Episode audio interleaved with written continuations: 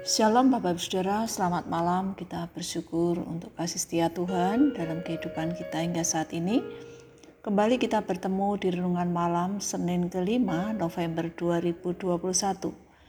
Kita berdoa mohon pertolongan Tuhan sebelum perhatikan dan merenungkan kebenaran firman-Nya. Bapa yang di surga, kami bersyukur untuk kasih setiamu ya Tuhan yang sungguh nyata kami alami dalam kehidupan kami hingga saat ini. Kami bersama akan membaca dan merenungkan firman-Mu. Mampukanlah kami untuk mengerti apa yang Engkau mau harus kami mengerti.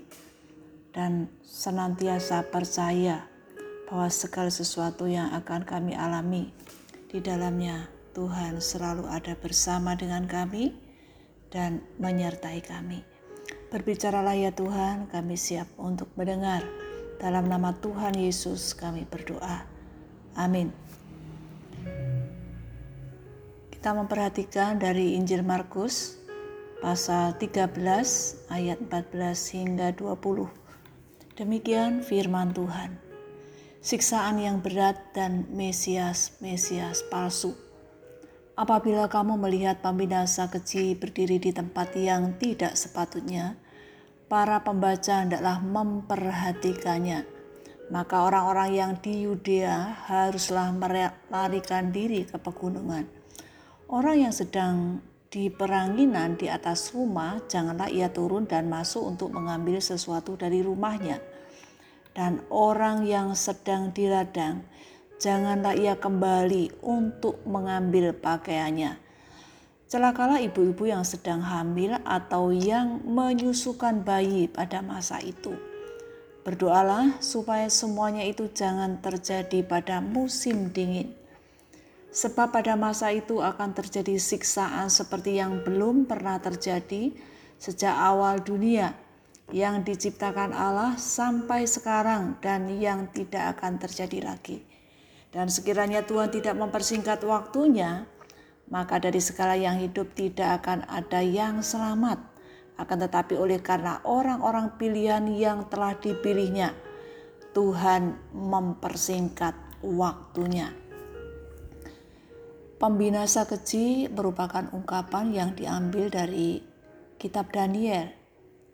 Di antara orang Yahudi istilah kekejian dipakai untuk melukiskan penyembahan berhala dan penghujatan. Betapa mengerikannya peristiwa-peristiwa yang akan terjadi sebagai tanda-tanda akhir zaman. Ketika kekejian menghancurkan mulai dari Yerusalem, siapa pun tidak dapat menunda. Semua yang berada di sekitar daerah Yudea harus melarikan diri ke tempat persembunyian di pegunungan. Jika seseorang sedang berada di atap rumah, harus segera berdiri tanpa mengambil barang apa pun dari rumahnya. Di atap rumah, seseorang mendapatkan ketenangan. Jika sedang berada di ladang, janganlah kembali ke rumah mengambil pakaian atau jubah untuk melindungi tubuhnya. Yesus mengingatkan murid-murid jika terjadi penganiayaan, hendaklah orang-orang percaya melepaskan semua yang dimiliki dan lari menyelamatkan nyawanya.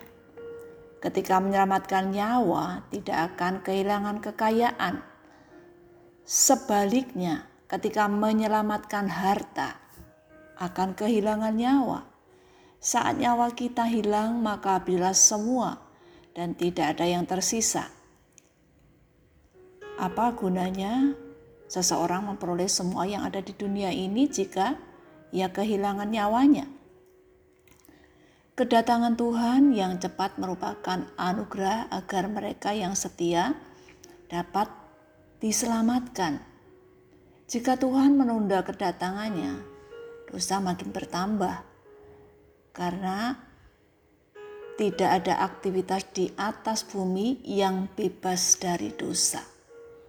Semakin banyak penderitaan pada akhir zaman akan membuka kesempatan yang lebih luas bagi para Mesias dan nabi-nabi palsu.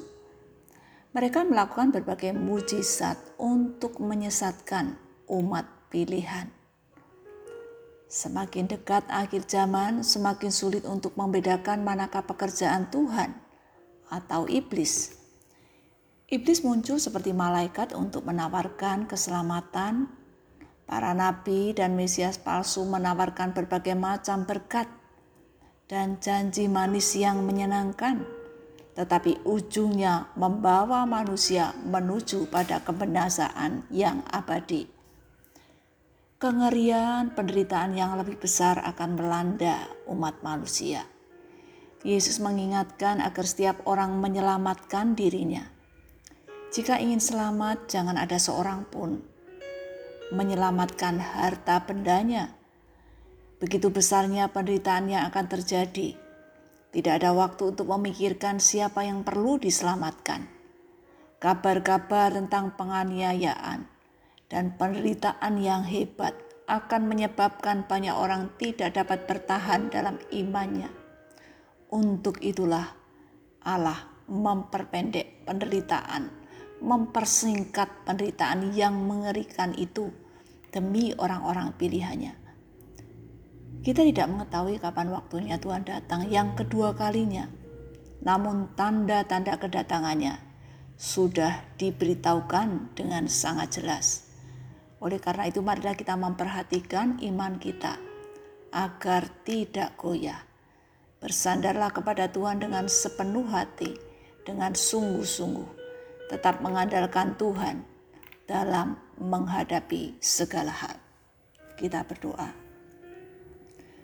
Bapa yang di surga, kami mohon pertolonganmu dalam menghadapi segala sesuatu yang akan terjadi dalam hidup kami.